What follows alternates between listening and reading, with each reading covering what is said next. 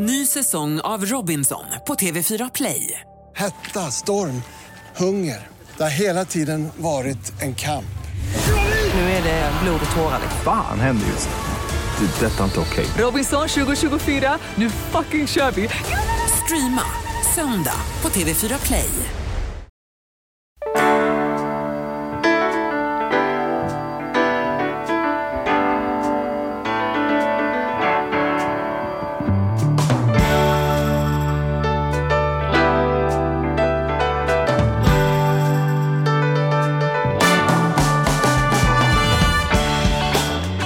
Hej och välkomna till Ekonomi på riktigt med Charlie och Mattias. Eh, Det är jag som är Charlie, det är du som är Mattias. Det är jag det. Ja, vi Det ska jag. inte ändra på de Mm. rollerna. Nej, det gör vi inte. Då blir det rörigt. Och du, innan vi kör igång Mattias på allvar vill vi ju välkomna alla nya lyssnare. Det kan man ju göra varje vecka, men just den här veckan så är vi ju tämligen nya på Podplay. Så alla ni som är Podplay-lyssnare och helt plötsligt har hittat in till oss, hjärtligt välkomna hit. Hoppas ni eh, ska trivas. Vi är ett glatt gäng som pratar om ekonomi ur alla möjliga eh, synvinklar sedan tidigare. Eh, vi har ju värmt upp ett antal avsnitt, så att, eh, det är bara häng med i familjen och eh, se om du blir inspirerad och har kul helt enkelt.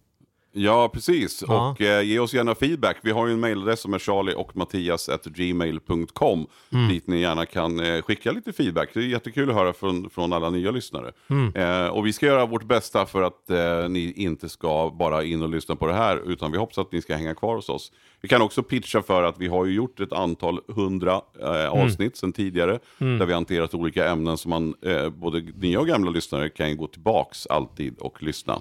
Eh, och vi finns där poddar finns som man alltid säger och även då på podplay.se. Precis, och du som har lyssnat troget så länge, var inte en sån här tråkig människa som ja, men jag hittade den här popgruppen innan de släppte sin första skiva och blev kommersiella. Släpp in de nya nu, låt alla få vara med i soffan. Även om du är lite creddigare som hittade oss på den svåra tiden så, så blir vi en stor poddfamilj helt enkelt. Det kan vi väl, ska, vi, ska vi säga så?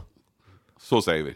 Och bara för den som är ny lyssnare, jag är den här lite ettrigare och Mattias är den lite mer så här eftertänksamma som säger lugn, lugn och fin nu, nu ska vi inte, ja. Så att eh, det är väl lite våra roller kan man säga.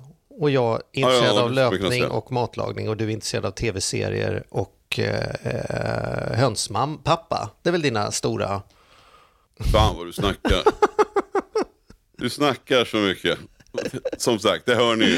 Är, vi, vi, vi stannar där för att du, du eh, ja, vi, har, vi kommer få annat att jiddra om. Jag orkar inte ens bemöta det där. Jag vill veta hur det går med tv-serierna. Är du, är du nere på bottenskrapet nu i coronatider? Det kan ju inte finnas något kvar för dig Mattias. eller? Ja, men det kommer, ju ny, det kommer ju nya serier hela tiden. ja, ja. Eller menar du att jag skulle titta på mer serier för att det är corona? Ja, du menar, ja, bra, bra. Nej, det kanske är konstant. Jag, jag tänker att folk generellt sett har ökat sitt skärmkonsumtion tack vare corona, men så kanske inte är för dig. Du, ligger, du är konstant. Nej. Ja. Jag är konstant. Jag har, mina, jag, jag har två avsnitt per kväll i, i snitt. Liksom. Mm. Eh, och sen blir det vissa kvällar när, när det inte blir något. Men, men jag skulle säga att jag, mitt snitt är nog ändå två avsnitt per dag. Mm. Och då sker det alltid så, liksom, vid, vid 10, mellan 10 och 12, 10 och 1 kanske. Något sånt där. Mm. Mm. Eh, så, så så är det. Mm. Men där, däremot så har jag väl ändrat min dygnsrytm nu när jag ändå bor så mycket på landet. Eh, och jag har egentligen alltid, jag, jag kan inte fatta varför man ska gå upp klockan sju på morgonen för. Jag har aldrig förstått det. Mm. Jag är en ständig tonåring, jag kommer aldrig att bli något annat. Min, mina drömtider är 3-10 och det har jag hävdat i 20 år. Liksom, att man, man borde sova den tiden. Så det har jag börjat göra nu. Jag har, jag har bestämt mig för att aldrig ha ett möte eller någonting före klockan 10. Mm. Ehm, så att, och det passar mig utmärkt alltså. Helt perfekt. Ehm, så jag lägger mig mellan 2 och 3 och går upp mellan 9 och 10. Ja. Och de som vill ha möten tidigare så, då, så säger jag att eh, nej, men då sover jag. Och då skrattar alla och då får de göra det. Mm. Så det fu- funkar för mig. Mm. Men det är också, du, kan, du har ju ett sånt jobb så du kan unna dig det. Så go for it partner. Jag menar inte så, men det, det är svårt för en undersköterska att säga så här. Nej, jag sover till tio, så är det bara. Eller den som Mm, jobbar nej, på en mack. Men det, Exakt, Mm. och det gör ju inte att jag jobbar mindre timmar för det. Utan det får jag ju ta igen i, i andra ändan så att säga. Och det gör jag ju också. Så att, Mm. eh, Nej, absolut. Jag kan ju styra mycket över min arbetstid och det är ju fantastiskt. Så att, eh, det är skönt. Men nu har jag, nu har jag ju snickaren här på landet som, som har börjat i den delen av huset som jag sover i. Och den, den fan är ju här, alltså han är ju inte här en minut efter sju. Någon Nej. gång. Nej. Och när han började borra liksom i, mina, i min vägg, då får jag erkänna att det, då, då väcker det sån här, då väcker det tankar från när jag gick i åttan och farsan och morsan skulle försöka få liv i mig på Ja, morgonen. ja precis. Men, Det har eh, alltid varit ja. intressant det där. De som börjar tidigast, det är de som har de jobben som stör människor mest. Ja. Är inte, inte det fascinerande? Men, men apropå det kommer jag faktiskt Samtidigt är tänka jag på... så mån om att han är här så att jag Ja, kan ju inte bli. Nej, jag vill man är ju vuxen, det är klart man inte skäller på det. Men man tänker ju så här, varför slagborrmänniskor börjar klockan halv sju på morgonen och andra börjar nio? Det är lite märkligt. Men det är skitsamma, det är inte det. Men jag, faktum är att eh, på det temat såg jag en rolig skylt som jag hann bara inte. Det var en bil som åkte om mig på, på, på motorvägen, men jag hann inte jag körde, ta någon bild på den, det var liksom inte trafiksäkert. Men det var så roligt därför att det var ett, ett företagsnamn, det här kan ni googla sen och kolla, de finns på riktigt. De hette Håltagning 24-7. Apropå störande. Så man har en verksamhet där man alltså jobbar med att ta hål i betong. Och en speciella USP är att man kan göra det sju dagar i veckan, 24 timmar. Vem är det som vill ha håltagning tre på morgonen en onsdag? Liksom. Är, hur man ens kommit på att hitta nischen. Vi är håltagare, ja, vad är det för speciellt med? Ja, vi gör det 24-7 bara. Nej, helst inte faktiskt. Jävligt Ja, pytt. jävlar. Ja, nåväl. shit. Shoutout Ja, mm. till eh, håltagning 24-7. Nåväl, nu är inte vi en, en, en podd som håller på och pratar om eh, dygnsrytmer, utan vi är en ekonomipodd. Och för att styra upp det så har vi en gäst, Mattias. Ja, Mm. ja. Ja, He's back. Mm. The man behind the beard numera. ja. The beard numera. Numera, numera. Jag håller på att börja, I must uh, learn, I have to practice my English because Yes. my daughter is going to ett, ett, ett år in Mm. United States. Eh, hon har så roligt åt mig när jag pratar min EU-engelska, säger hon att jag har. Mm-hmm. Eh, för att, för att hon, hon säger ju inte så här all in, hon säger all, all in. All in. Säger hon. Ja. Mm. Alltså hon är amerikansk, det är som att hon redan har flyttat. Och så har jag sagt så här, kan vi inte träna lite nu? För jag måste ju pr- börja prata med hennes värdföräldrar och sådär, tänker jag att jag ska göra. Och då har jag sagt att kan vi inte träna? Och sen så pratar jag bara engelska med dem eh, i familjen. Men då, då blir de så trötta på mig till slut. De förbjuder mig att prata och ha roligt åt mina uttal. Eh, nåväl, vi är ju ingen språkpodd heller då. Det var ju Nej. så vi sa. Men vi har Utan Magnus. Den här gången så, så har vi med oss Magnus. Han är i vilket fall världens stora och varma applåd.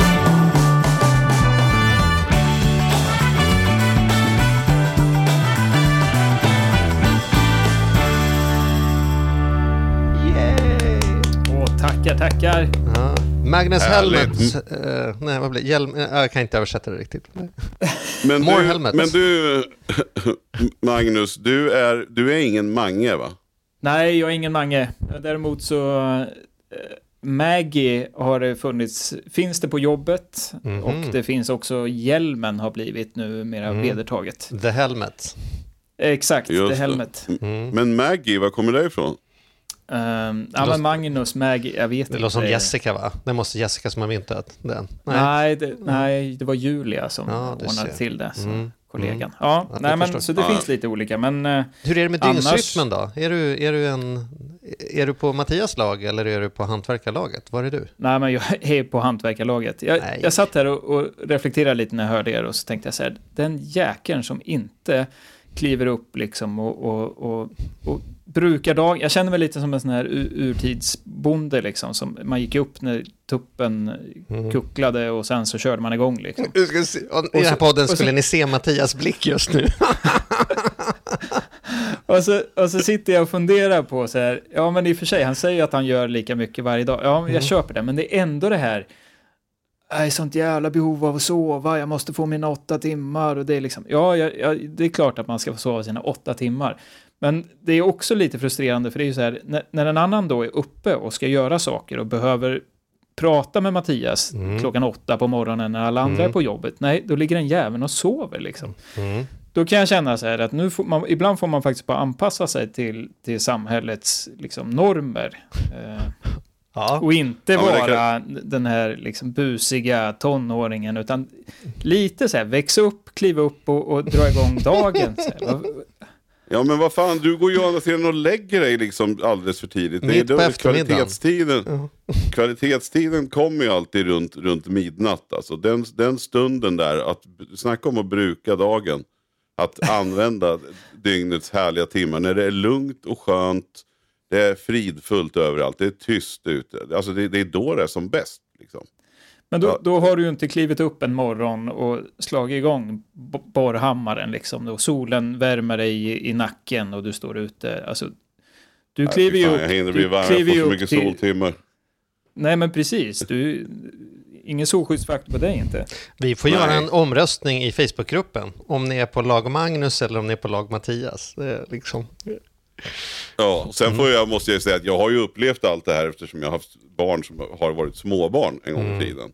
Så att det är ju inte främmande och jag har också hållit på med en massa tv-inspelningar ihop med den här, den här ena mannen här. Eh, som, som gjorde att vi var tvungna att vara på plats vissa tider. Vi stack ju, jag vet jag hämtade dig någon gång fem sex på morgonen. Ja, jag kunde, ja absolut. Mm. Så att det är inte så att jag inte kan gå ut och det är inte så att jag upplevt de här hemska morgnarna. Utan jag vet, jag vet ju hur de fungerar. Men det är ingenting jag vill tillbaks till, om vi säger så. Jag är lite tyst i Men- den här konversationen för jag är ju ännu värre. När du säger att man ska ta vara på dagen Magnus, att sova är ju en av mina främsta hobbys. Alltså, jag, ty- jag, jag tycker inte att en soven timme är en förlorad timme. Jag uppskattar själva sovandet. Jag tycker det är jättekul att sova. Jag njuter av det. Jo, men jo, och jag, jag kan förstå. Så här, det är klart att, att, att återhämta kroppen är ju absolut nödvändigt. Men det är ju till syvende och sist så är det ju liksom outcome som, som räknas. Och hur mycket ni än påstår det så kan ni ju inte säga att ni är lika effektiva en soven timme som en, en väl använd timme. Alltså väl använd i, i meningen att Nej, men man nu skapar drar någon någon output. lik, nu det likhetstecken mellan att vara lycklig och ha output. Det där tror jag var något Nej, nej, nej, nej, prestationsbaserat men som det- får stå för det. Jag är gladast det- om jag har det- en lagom output och ganska mycket sova faktiskt, snarare än Ja, maximal nej, men jag output. pratar inte om, om lycklighet. Jag tänker så här, man, det finns ett antal saker som behöver göras och det görs ju inte under den sovna timmen i varje fall. Nej, men jag sover ju inte, jag, jag sover ju inte eh, mer eller mindre timmar än vad du gör. Nej, jag nej, jag sover ju sover mina, mycket. jag sover ju, jag sover, i och för sig sover jag sex ibland, men, men sju timmar. Jag, jag, jag, sover, jag är ju vaken lika mycket som du är, det är bara att jag är vaken senare. Ja, men du är ju otillgänglig för omvärlden, Mattias. Du, du, Nej, från det är ju som nattpersonal. behöver-. Nej, men jag jobbar natt. Ja, men jag jobbar, Ja, alla andra jobbar nej, dag. jag jobbar 10 till 17. Ja. Det, är väl, det är väl, räcker väl. På de timmarna hinner ju folk få tag på mig som behöver få tag på mig. ja, säkert. Mm. Ja. Nu ska vi inte bråka om det. har Vi har ju andra saker vi ska Nej. bråka om. Eller ja, vi ska prata. Men, ja, men vi har ju, vi, det är så kul va, för vi brukar ju be våra härliga lyssnare att skicka in lite frågor till oss. Eh, Mm. Eller så bara kommer frågorna. Det är inte alltid vi ber om det, utan vi får dem ändå. Det är vi otroligt glada för. Mm. Ja, Så att vi, vi, har, vi har lite frågor här som har kommit. Och jag tänker att eh, vi börjar uppifrån och ner helt enkelt. Och sen så, så bollar vi dem. Eh, och det är så härligt att vi har med oss Magnus som är expert. Vi är bra på ekonomi men Magnus är experten. Så att vi ska nog kunna lyckas svara på de här hoppas jag. allihopa. han går, han går upp tidigt på morgnarna och läser på nämligen. Ja precis ja, han går ju upp tidigt så det är klart att han kan allt det här. Ja, Jag får ju läsa, läsa tidningen på morgonen så jag håller mig uppdaterad. så mm, jag kan... precis. Du sitter säkert med en sån här, en sån här bläddertidning också. Ja, men vet, vet du att jag gör det? Och Ja, Charlie, ja Charlie på mig. Undrar vem det är som är 40, undrar vem det är som är 50 av oss egentligen. Jag har den digitala varianten också. Men det, det, det jag uppskattar med papperstidningen, det, det är faktiskt att, eh, vilket det också finns forskning som stödjer, vill jag lägga till, att eh, vi förlorar eh, uppfattande förmågan mer och mer i, i det digitala. Alltså det vill säga vi, ja, koncentrationsförmågan minskas. Eh, ju mer vi är digitala och ju mer som skiftar digitalt. Så eh, faktum visar när man i, i skolgång att man inte ska ta bort de, de fysiska böckerna för att eh, man lär sig mer av att läsa. Det var bättre förr säger du. Mm, Det var bättre förr just nu. Ja. mm. Och jag tänker att i och med att det är mitt jobb att ha koll på de här sakerna så ska jag väl maximera så jag, jag, jag har papperstidningen. Ja. Mm. Mm. Och vi är tacksamma för att du är som du är, för det underlättar ju dagens podd kan man väl säga. Ja, och jag diggar ju att snacka mer alltså. Ja, ja, det Vill jag bara tillägga. Jag börjar bli orolig för jag har redan haft en, jag har ju en gubbe som partner redan. Då ska jag nu ha, och sen ha en till som håller på att gubba ner sig. Eh, Det är tur att någon står för det ungdomliga i det här gänget i alla Ja, fall. tack och lov att vi har dig Mattias. Det är faktiskt så. Ja, är hur det. hade det gått annars? Ja. Annorlunda. Men jag kan, nu läser jag digitalt, vi får se om jag kan läsa rätt i alla fall. Eh, här kommer det. Hej, jag har lyssnat ge- igenom de flesta av era avsnitt och kan inte hitta något, någonting som lyfter ämnet börja spara sent. I de flesta poddar bjuder man in gäster som redan i tonåren börjar spara för att investera på börsen etc. Men jag tycker att vi som inte vuxit upp med föräldrar som pratat om vikten av, av sparande glöms bort. Vi har alltså missat många av de här gyllene åren för ränta på ränta. Finns det något framgångsexempel bland oss eller kan man diskutera det här ämnet för att ge lite hopp om oss segisar som vaknat sent? Det hade varit ett intressant avsnitt. Ja, Det är väl en, en, en, kul tanke och br- bra fråga tycker jag. Det är Jättebra. Hanna som har skickat in den här. Vad, vad säger ni boys? Ja, det första jag säger att det är roligt att du vill att vi ska inleda med en person som pratar om hur det är att vakna sent. Så jag bara säger att det är ironiskt att det är det som är rubriken. nu släpper jag det och så låter jag Magnus svara. hur är det med de som vaknar sent, Magnus? Har de någon rätt att också få lite hjälp, eller? Nej, det tycker jag inte. Jo, självklart. självklart. Nej, men jag skulle vilja säga så här att beroende på hur sent man eh, vaknar upp. Det här är ju en ganska vanlig fråga som, som eh, jag tror jag och andra experter får när det kommer till pensionen. Att det är så här, men nu inser jag här sent om sida att jag, att jag ska få 50-60% av lönen och nu känner jag mig lite stressad och, och nu är det tio år kvar för det var nu jag loggade in på minpension.se och faktiskt fick koll på det här. Hur ska jag göra? Det är en ganska vanlig förekommande fråga. Och den, den kan väl liknas lite vid det här i varje fall. Att, att man känner att så här, nu, nu, tiden blir mindre och mindre och jag måste lösa det på något sätt. Och många gånger så handlar det ju om eh, liksom, vad, vad man, vilken förväntansbild man har av att, att få ihop i sitt sparande. Det, som, det man kan konstatera rent eh, liksom, teoretiskt är ju att du behöver gasa på mer. För att få samma summa så behöver du sätta av mer pengar än den som har sparat längre. Då. Eh, och och det, det avkallet behöver man ju vara villig att göra för att få ihop de här slantarna då som, som saknas. Men man måste ju också se över att, att utrymmet finns. För absolut så kan man ju komma igång, men som sagt förväntar man sig att komma upp på ungefär liknande nivåer som den som har sparat länge, ja men då, då, då får man gasa på ordentligt. Eh, och, och, och kopplat till det så bör man ju också tänka över då vilken risknivå jag är villig att ta. Det vill säga, eh, sätter jag av mycket pengar och tar, tar hög risk, ja men då är sannolikheten större att jag, att jag faktiskt får ihop eh, de här pengarna. Medan om jag eh, sätter av mindre pengar och st- stoppar dem på ett sparkonto, ja men då, då kommer man ju inte uppnå de här nivåerna. Men å andra Så- sidan tar jag hög risk med kort sparintervall så är, ju också, Mm. det är ju per definition också då högre risk. Det vill säga börsen kanske har gått dåligt precis just när det är dags för mig att kliva ur och, det, och, och har jag då inte den utjämnande effekten av lång tid, jag menar då Återigen, som vi var inne på för, för ett gäng veckor sedan, det är dyrt att inte ha pengar, det är dyrt att inte ha tid, därför att du kan inte ta samma risk om det är fem år kvar till pension som du kan om det är 25 år kvar till pension. Liksom. Nej, du har helt rätt. Och då Helt kan man inte förvänta sig samma avkastning heller.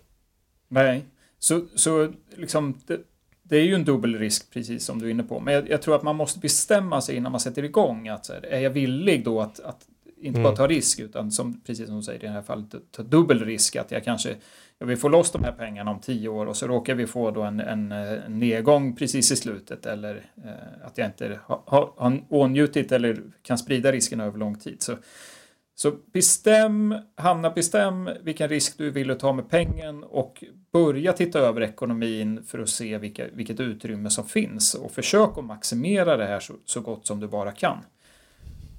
Ja, och det är verkligen inte för sent. Jag skulle också vilja säga, vi hade ju ett, vi hade ett poddavsnitt eh, som jag kanske Hanna har lyssnat på. Det var en tjej som hade, de hade en aktieklubb. Eh, de gick ihop några stycken. Och jag tror ju då att, att även om man nu eh, kommer igång lite senare så tror jag att man, har, att man istället kanske får desto större intresse.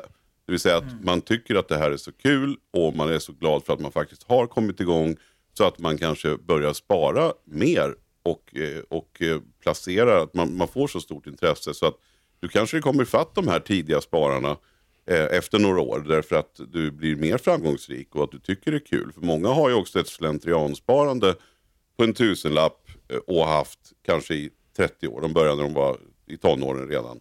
Eh, men men okej, det blir jättemycket pengar. Men dock så hade säkert de också kunnat spara mer om man hade intresserat sig.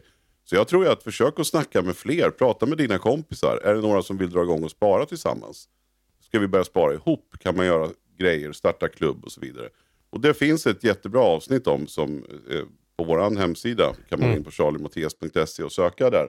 Aktieklubb. Eh, ja, likväl som man träffas och gör någonting annat. Så jag tycker verkligen, jag tycker det är så bra att du lyfter det här. Och känn dig verkligen inte ensam. För att jag skulle säga att det är, det är li, minst lika många som inte har sparat som har sparat. Så att, eh, det är bara att försöka upp, söka upp likasinnade och göra det här till en kul grej.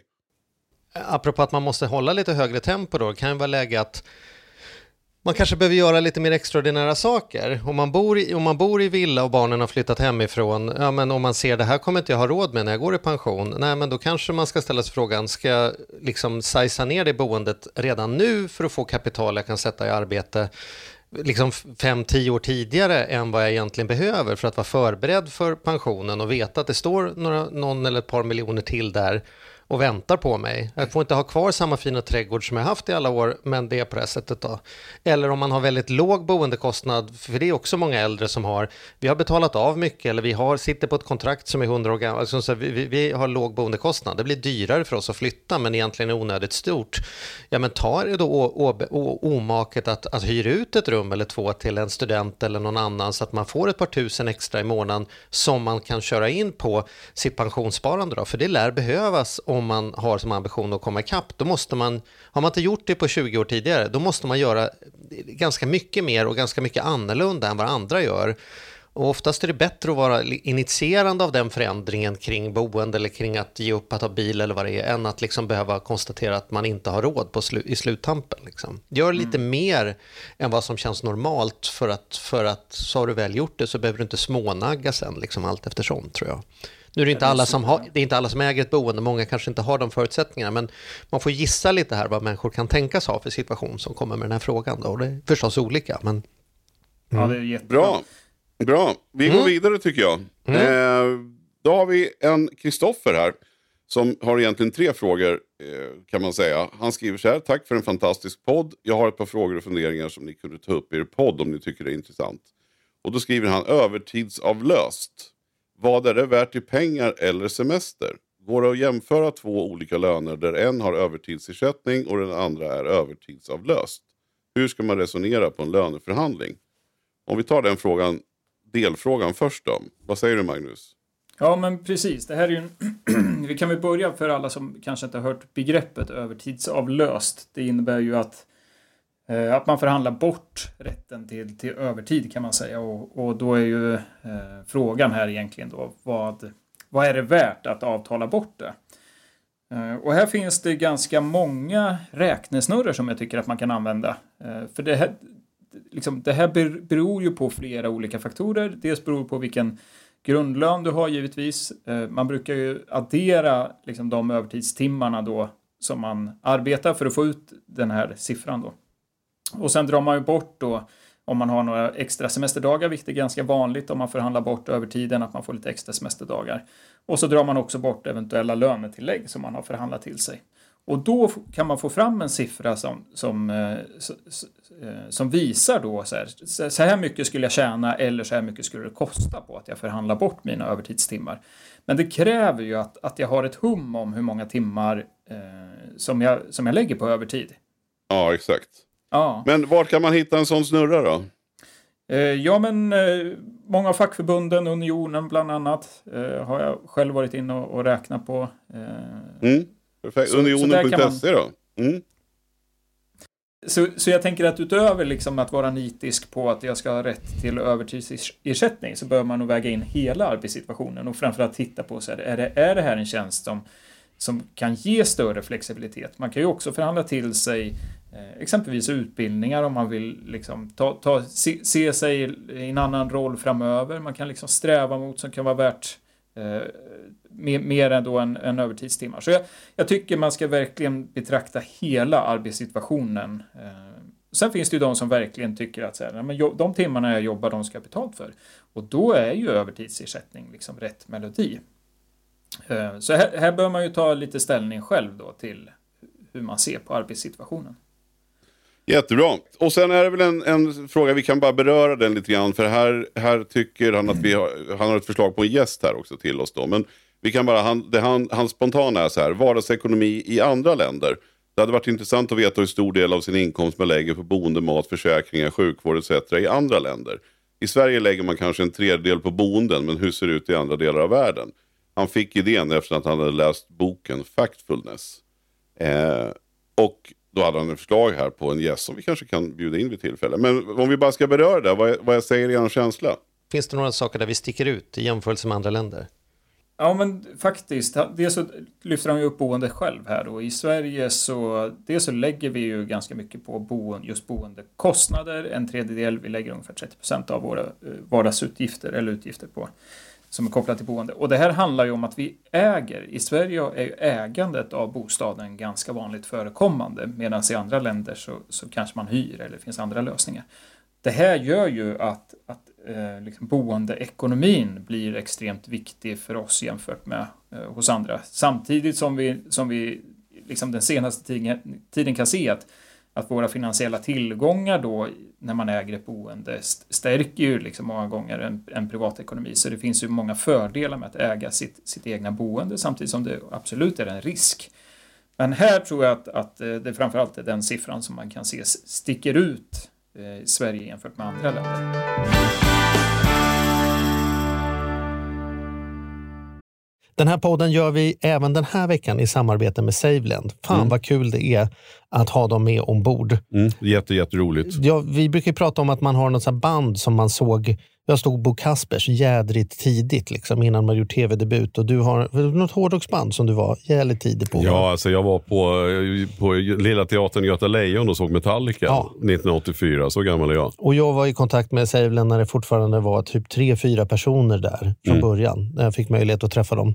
Eh, och nu är de ett stort bolag, fyller tio år, finns på börsen och jobbar helt enkelt med att vanliga privatpersoner och företag kan investera pengar eh, i eh, lån och krediter. Mm. Så man får riktigt bra ränta. Så eh, det rullar på efter tio år. Bättre än någonsin. Fantastiskt kul att ha dem med här i podden. Mm. Gå in, testa, kolla. Vi ja. har en kod som gör att om du öppnar ett konto och använder på riktigt får du dessutom en insättningsbonus just Precis, och vill man veta mer så som sagt gå in på saveland.se. Man kan också lyssna på Ludvig som har varit gäst i vår podd två gånger. Får ja. man en ännu bättre inblick ja. i vad, vad det är de pysslar med egentligen. Men eh, ja, saveland.se och stort tack. Ny säsong av Robinson på TV4 Play. Hetta, storm, hunger. Det har hela tiden varit en kamp.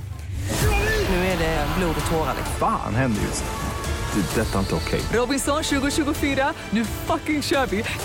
Streama söndag på TV4 Play. Ett poddtips från Podplay. I fallen jag aldrig glömmer djupdyker Hasse Aro i arbetet bakom några av Sveriges mest uppseendeväckande brottsutredningar. Går vi in med hemlig telefonavlyssning och, och då upplever vi att vi får en total förändring av hans beteende. Vad är det som händer nu? Vem är det som läcker?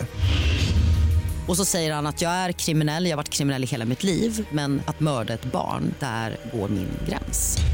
Nya säsongen av Fallen jag aldrig glömmer på Podplay. Nummer tre då, kryptovalutor. Vad hände sen? Det finns ett avsnitt om krypto...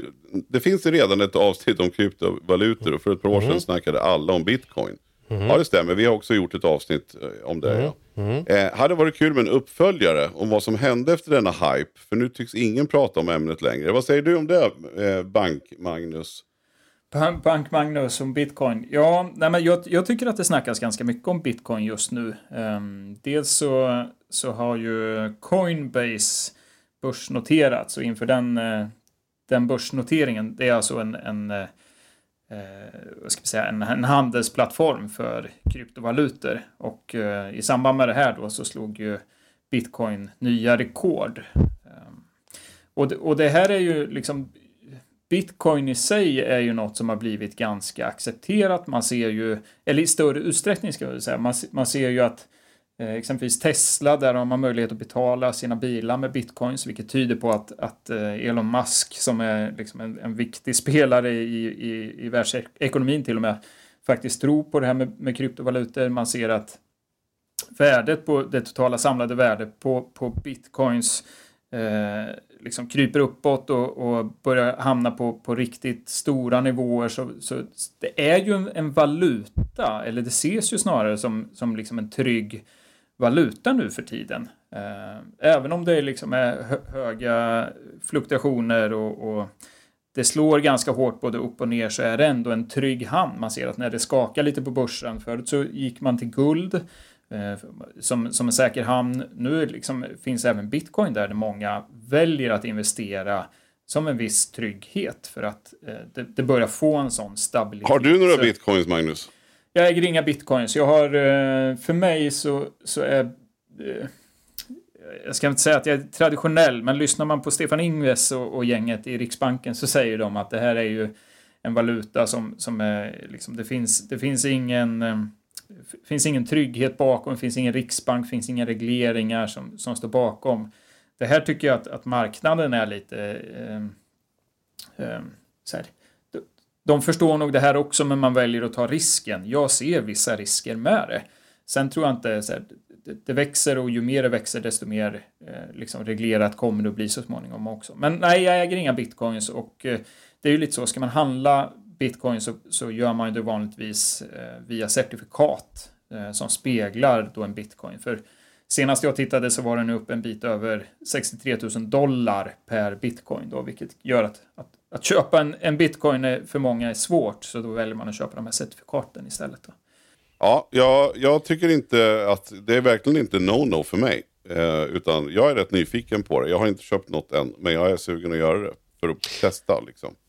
Jag, tror inte att det kommer diskuteras mindre om bitcoin om vi säger så, utan jag, jag, jag tror eh, framförallt så här, kommer vi se lite skakiga tider på börsen och, och, att kapital kommer flytta från börsen så finns det ju risk att, att de placeras eller att man väljer att vända sig liksom tydligare till andra typer av säkra hamnar eller andra investeringar.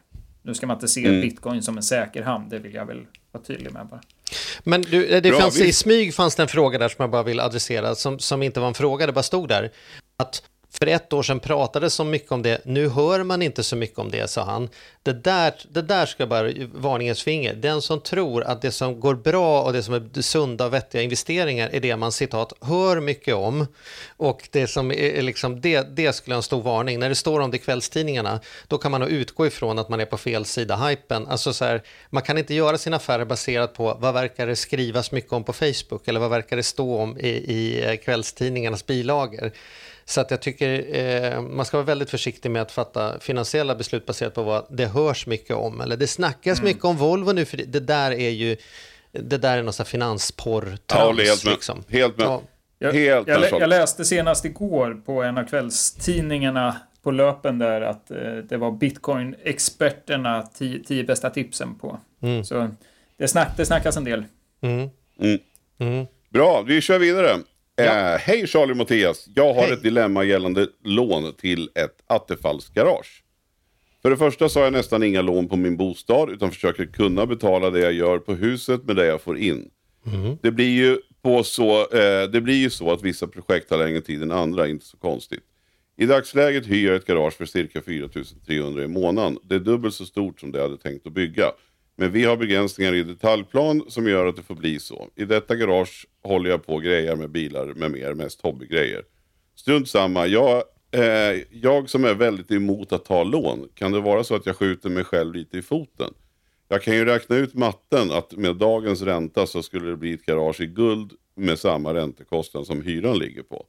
Jag har svårt att gå till banken och be om pengar. Jag hoppas ni kanske kan få mig att se detta med klara ögon och förklara vad jag gör rätt och vad jag gör fel i mina resonemang. Mm. Tack för en underbar, und, underbar podd. Hälsar och ha en grym vecka. Hälsa Niklas. Eh, ja. Det vad... man behöver göra som, som Niklas säkert har gjort är ju att räkna på vad det här attefallet eh, kostar att bygga och sen hur mycket han kan skjuta till själv, om han kan skjuta till någonting. Eh, alternativt Eh, och man får låna pengar för det här då. Um, och sen får man jämföra då 4 och 3 som han betalade för garaget han hyr jämfört med då ränte och amortering på, på det här lånet för, för det här attefallshuset.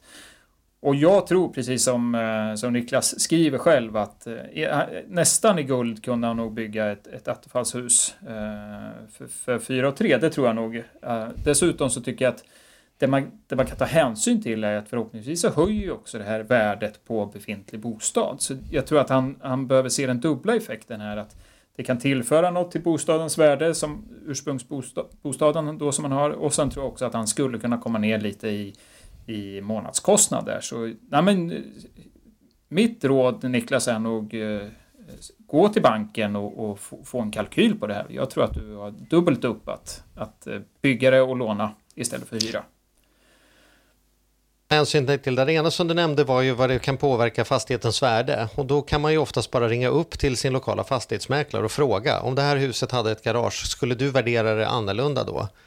Eh, och ibland är svaret ja, för att det liksom, i området förväntas det vara garage och har du inte det så ses det som ett minus. Eller så är det som, nej, det kan man både ha visst. Man, ska, man kan inte på något sätt alltid, eh, liksom alla pengar man öser in i ett hus, skylla på att det ökar värdet att man byter kök eller byter liksom vad man nu håller på med, eller nytt värmesystem.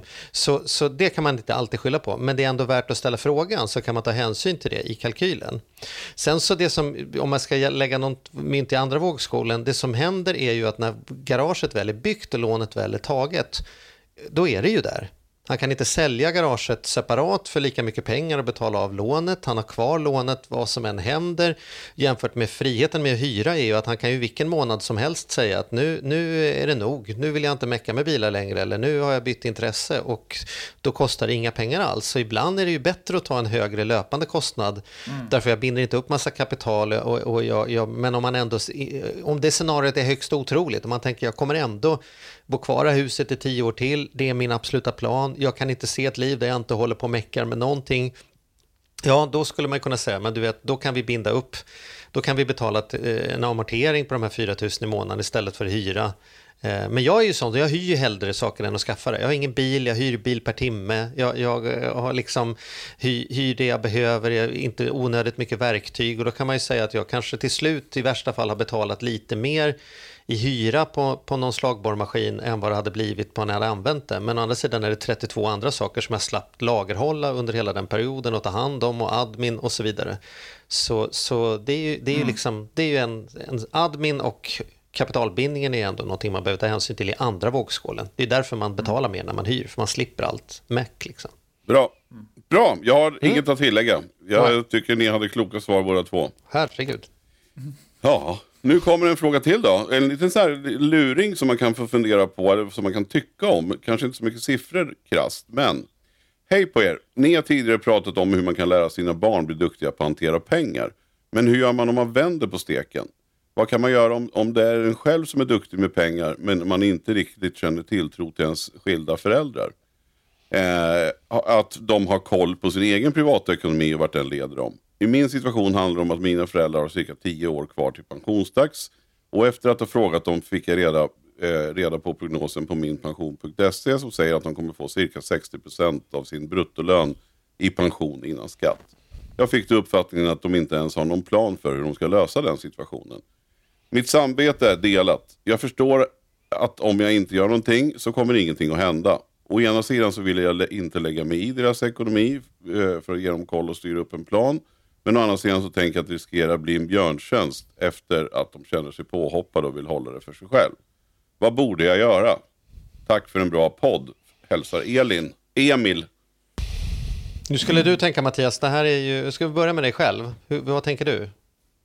Jag tror, det, givet är det ju att man, vad man typ har för relation med sina föräldrar. Men i mitt fall så hade jag definitivt, jag tror ju på samtalet. Jag tror alltid att vi måste prata med varandra för att vi ska nå framåt. Det är så med, med allting. Och den dagen man slutar prata för att saker blir lite känsliga, det tror inte jag. Utan jag har alltid pratat med mina föräldrar. De kan fortfarande vara sådär att det här behöver du inte säga till den eller säg inte det här hit eller dit. Så jag är så här, men vad är det jag inte ska säga? Jag tror att man, det var så tidigare, liksom, våran, eh, alltså generationen ovanför oss då, våra föräldrar, tror jag är mer att man inte pratar om vissa saker. Det anses inte fint eller sånt här kan man inte prata om. Medan vi babblar på och kidsen kanske bladdrar ännu mer. Men jag, så, så, så spontant så känner jag så här att, att jag skulle prata med dem. Jag skulle absolut ta upp det här och säga att Passan, jag, jag är så glad att ni, ni har eh, stöttat mig och gjort att jag har blivit duktig på ekonomi och jag tycker det är kul. Men jag bryr mig om er, så i all välmening så ska vi inte sätta oss ner och titta på hur det ser ut. Nu när ni snart, ja eller när det är dags för pension. Så för mig finns det inget annat än att Emil vill ju bara väl. Det är ju helt uppenbart. Det, det är ju inget snack om det. Han bryr sig ju om sina föräldrar. Och därför så tycker jag absolut att han ska prata med dem. Ja, jag håller med. Och han kan väl, om, man tycker att samtal, han kan ju börja andra andan och säga så här, jag, jag, jag, ni sköter det själva, jag vet det, jag litar på er, men jag är orolig, så det skulle hjälpa mig om jag bara fick sätta mig tillsammans med er och räkna igenom det och höra att ni har tänkt eller hur ni har tänkt eller så att vi åtminstone har samsyn kring hur det ser ut så kan jag släppa det sen och liksom somna om och, och känna mig trygg med att det kommer att funka. Så jag säger inte som kritik eller att det är något fel, jag bara säger att det skulle hjälpa mig att veta det. Så här, men mamma och pappa, de vet vad de ska och de har också en plan för, för det är det som man måste hända, 60% måste man titta på, hur mycket pengar är det? Okej, okay, så vad, vad, vad är det vi inte spenderar som vi spenderar idag då? Vad blir det för förändringar? Eller vad kan vi göra för att slippa göra de förändringarna? Så har man haft det samtalet så, så är det förhoppningsvis klart eller så står man där och gråter och konstaterar att shit, vi har ingen plan för detta och då kanske det behövs flera möten då. Men det där första mötet behöver man nog ta och då kan man utan att trampa dem på tårna säga att liksom, mer för min skull än för er skull, skulle inte vi bara kunna räkna igenom detta så att jag känner att jag vet. Jag ska inte lägga mig i, jag vill bara, jag vill bara höra liksom. Perfekt. Mm. Eh, du har inget att anmärka på där eller tycka till om, eh, Magnus? Nej, jag kan väl bara lägga till att, att, att pratar man 50-60 procent och få ut av sin lön är ju en ganska normal nivå. Eh, sen om man vill, vill liksom om förväntansbilden är att få ut mer, vilket eh, jag tycker att EMI ska ta upp, det är väl liksom själva knäckfrågan. Att här, deras bild kanske är att, att 50-60% är, är good enough. Ja, men då är ju, då, då är ju alla nöjda då. Men eh, mm. förväntar man sig mer, ja men då, då kan väl Emil liksom, det, nej, sträcka ut handen. Det, det här är... Jag, jag, tror man skulle ångra sig. Tänk om de ville få ut mer och så mm. har man inte sagt någonting. Den mm. situationen är inte rolig. Mm. Nej, och det är gott om tid att hinna börja planera för eventuell downsizing eller vad det nu kan handla om då. Mm. Eh, eller göra något, någonting radikalt, det är ändå tio år kvar till pension. Så det är väl ett, ett ypperligt läge för Emil att, att sträcka ut handen. Ja, att, jätte. Kanon! Ta, eh, hej Charlie Mattias! Tack för en fantastisk podcast. Jag hör era röster i mitt huvud även när jag inte lyssnar på er. Oj då. Eh, ja, det är ju 112 ja, ringer man då. 112. Ja. jag och min man satt och diskuterade det här med tjänstepension häromdagen. Vi har båda ITP 1 och är strax under 30, inga barn. Vi har pluggat lika länge och strävar efter jämlikhet i både hushåll och ekonomi. Vår fråga gäller hur tanken bakom ITP-systemet är uppbyggt. Det avsätts 4,5% av lönen till en viss summa. I år cirka 42 till 43 000 allt över detta avsätts det 30 procent av. Jag tjänar idag cirka 43 000 och min man strax över 50. På grund av ITP1-systemets uppbyggnad så får min man en större proportion av sin lön i tjänstepension på grund av 30 gränsen. Så nu kommer deras frågor. Varför är ITP framförhandlat på detta sätt? Blir det inte orättvist för människor som aldrig kommer tjäna över 43 000? Tänker specifikt på vissa yrkesområden. Högavlönade individer som kan pensionsspara mer själva får högre, portion av sin lön, eh, högre proportion av sin lön avsatt. Vore intressant att förstå motiveringen. Vi har sökt på internet utan framgång. Vi börjar med den frågan, för hon har två frågor här. Mm. Mm. Magnus? Jag räcker upp handen. Ja, men precis. det här, jag brinner ju för pension och det här är ju en jätte, både intressant och relevant fråga. Så eh, bra, bra ställt. Anledningen till att den här gränsen finns, för som sagt, man kan ju tycka att det känns lite orättvist att eh, upp då till 43 000 så får man 4,5 procent. Allt utöver det så är det 30 procent. Eh, och då, då, kan man tycka att det där är inte schysst. Fast det är verkligen tvärtom. Det är schysst. För om man väger in, nu pratar vi ju tjänstepension. Och så finns det ju ytterligare då en del i, i pensionssystemet som är den allmänna pensionen. Eh, där bland annat det orangea kuvertet kommer. Och den allmänna pensionen betalas ut upp till den här nivån. Det vill säga att Säg att du ligger precis på gränsen där, du, du tjänar 40 000 säger vi. Ja, då, får du, då maxar du din allmänna pension och så får du också 4,5 procent avsatt eh, av, i tjänstepension. Och då är det ju eh, 16,5 eller 18,5 procent som eh, sätts av i, eh, Eh, i den allmänna pensionen plus då de här 4,5. Därutöver, om man säger, om det man tjänar utöver den här gränsen då, eh, 43 000, ja men då får man bara tjänstepension och ingen allmän pension. Det vill säga att, att eh, man, man går ju miste om en hel del pensionsavsättningar och där är tanken, ursprungstanken är att tjänstepensionen då ska kliva in och betala in extra så man fortfarande får liksom pension ungefär lika mycket, det blir ju lite mer då, men lika mycket pension avsatt även om man tjänar mera. Så det här är egentligen ett system för att, för att rätta till orättvisan om man får säga så. Så det gör, att, vad jag menar? Ja, det gör att den som tjänar 30 får 60% av det och den som tjänar 80 då, om vi hittar på det, får 30 eller 60% av det. Därför att, därför att man betalar mer på toppen på, på tjänstepensionen när man tjänar över brytpunkten än om, än, än om man gör annars. Så att man får liksom ut lite mindre i kuvertet men man får andra sidan mer pensionsavsättning eftersom inte det täcks upp av den allmänna pensionen. Ja, precis. Ja. Så, så, så har man tänkt i alla fall. Som, som, mm. som, som med statlig skatt, att man kommer upp på en viss gräns som är ju där samma gräns. Eh, så, så, så betalar man då plötsligt en statlig skatt också som mm. man inte gör upp till mm. brytgränsen. Och det är också för att jämna ut. Så att ja. tjänar man mer så får man betala mer i skatt. Så, så tittar man bara till den allmänna pensionen, den som tjänar precis på gränsen där 43 000, så får maximalt utbetalt i, i den allmänna pensionen. Eh, den som tjänar 100 000, ja den får inte mer avsatt i den allmänna pensionen, utan får precis lika mycket som den som ligger precis på gränsen. Så, mm. så snarare än då att, att få, få eh, liksom Snar, för, för, att täcka upp det här då så, så behöver kliver in och betalar in extra. Mm. Så kan man säga. Jättebra. Ja, det var ju ett tydligt svar. Mm. Mm. Ja, och, sen skriver Samantha vidare så skriver hon så här. Hur kan vi själva kompensera för denna skillnad?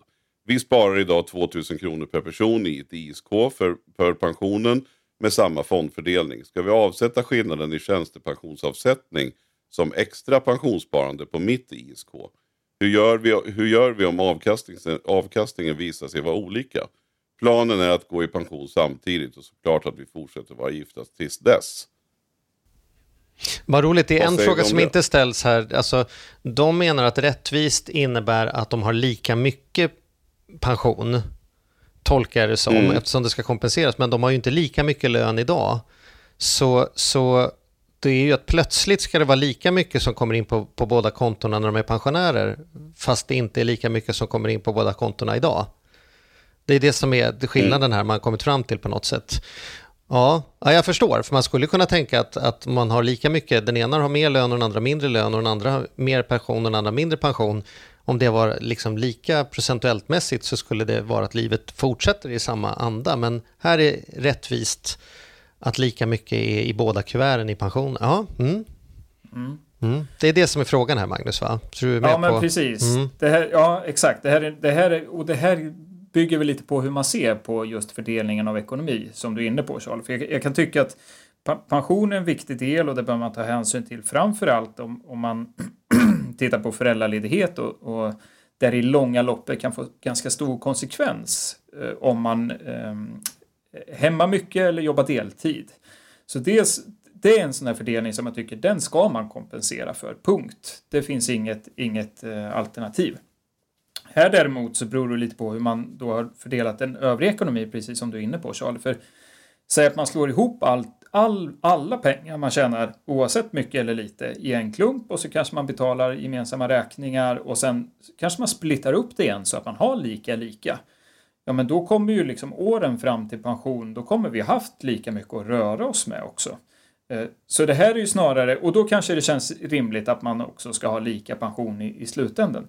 Men det här är ett ställningstagande tycker jag snarare än att, att, att bara se till pensionen, att vi ska ha lika mycket pension, så bör man ta ställningstagandet idag också, fram till pension, hur mycket har jag att röra mig med? För då ska det, som sagt, ska vi lika vara lika och det är möjligt att, eh, att de eh, delar upp det här så.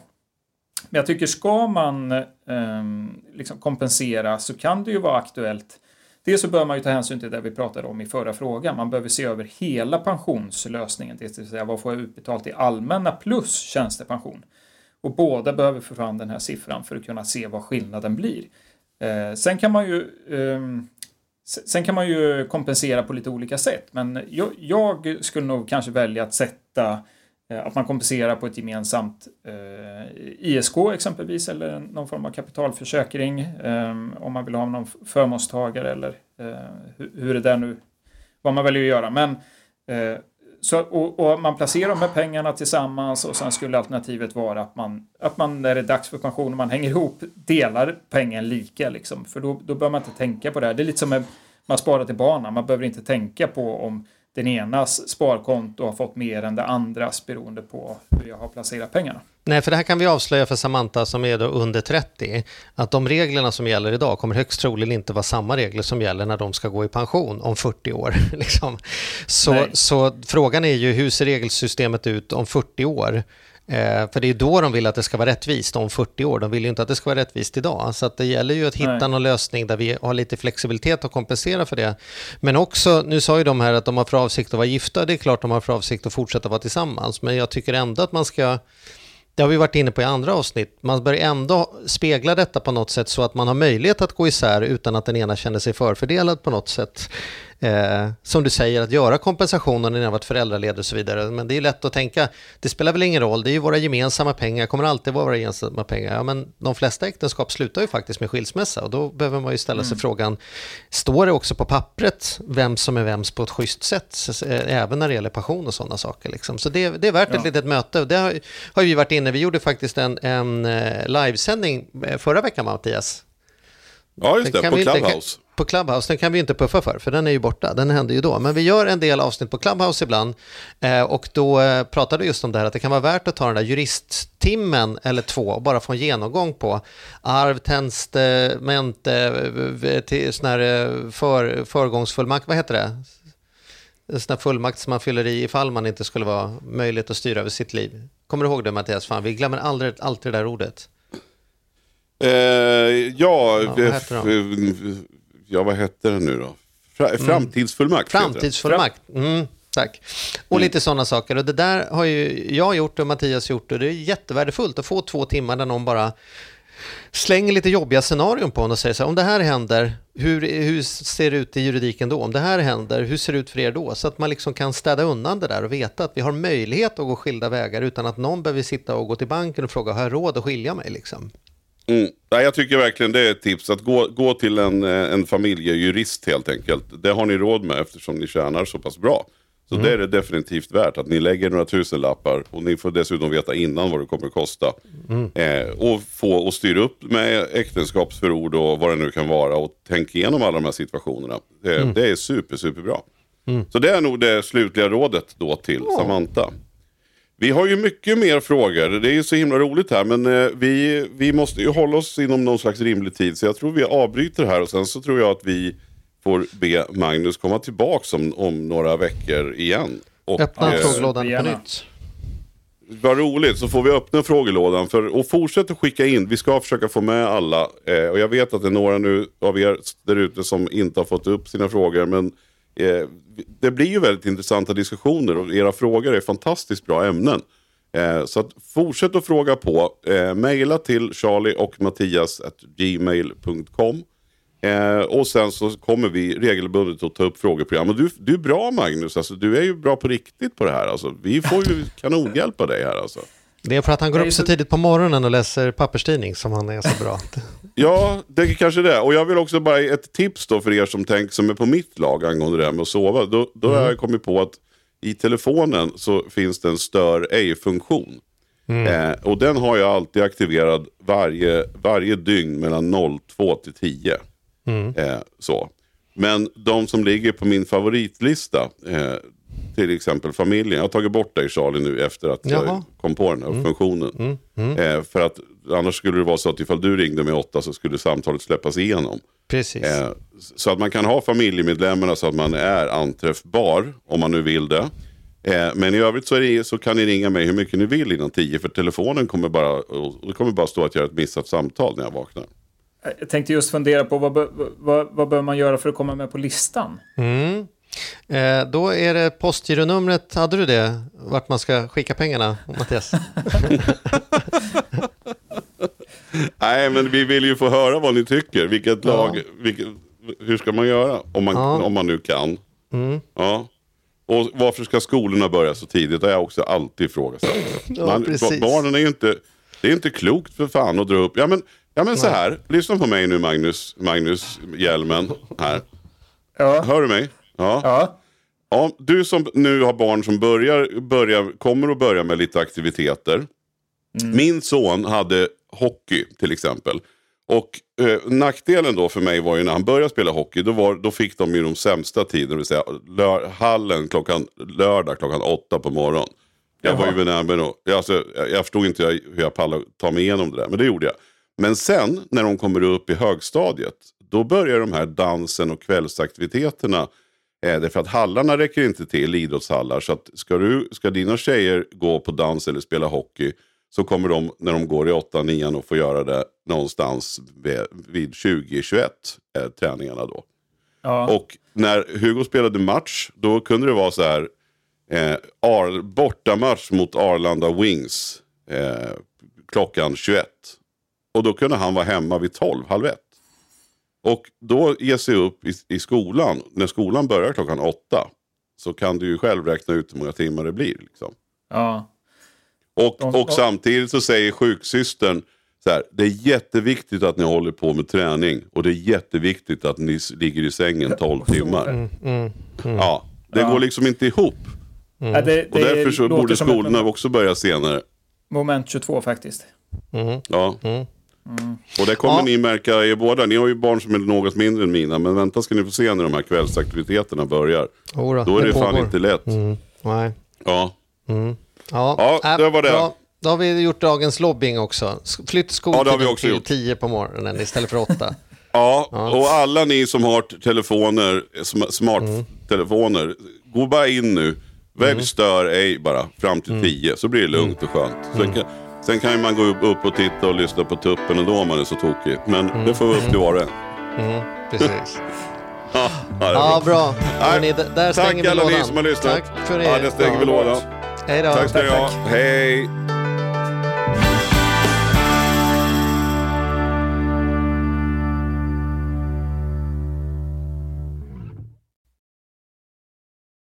Ny säsong av Robinson på TV4 Play.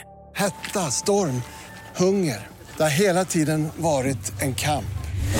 Nu är det blod och tårar. Fan händer just nu. Det. är Detta är inte okej. Robinson 2024, nu fucking kör vi! Streama söndag på TV4 Play.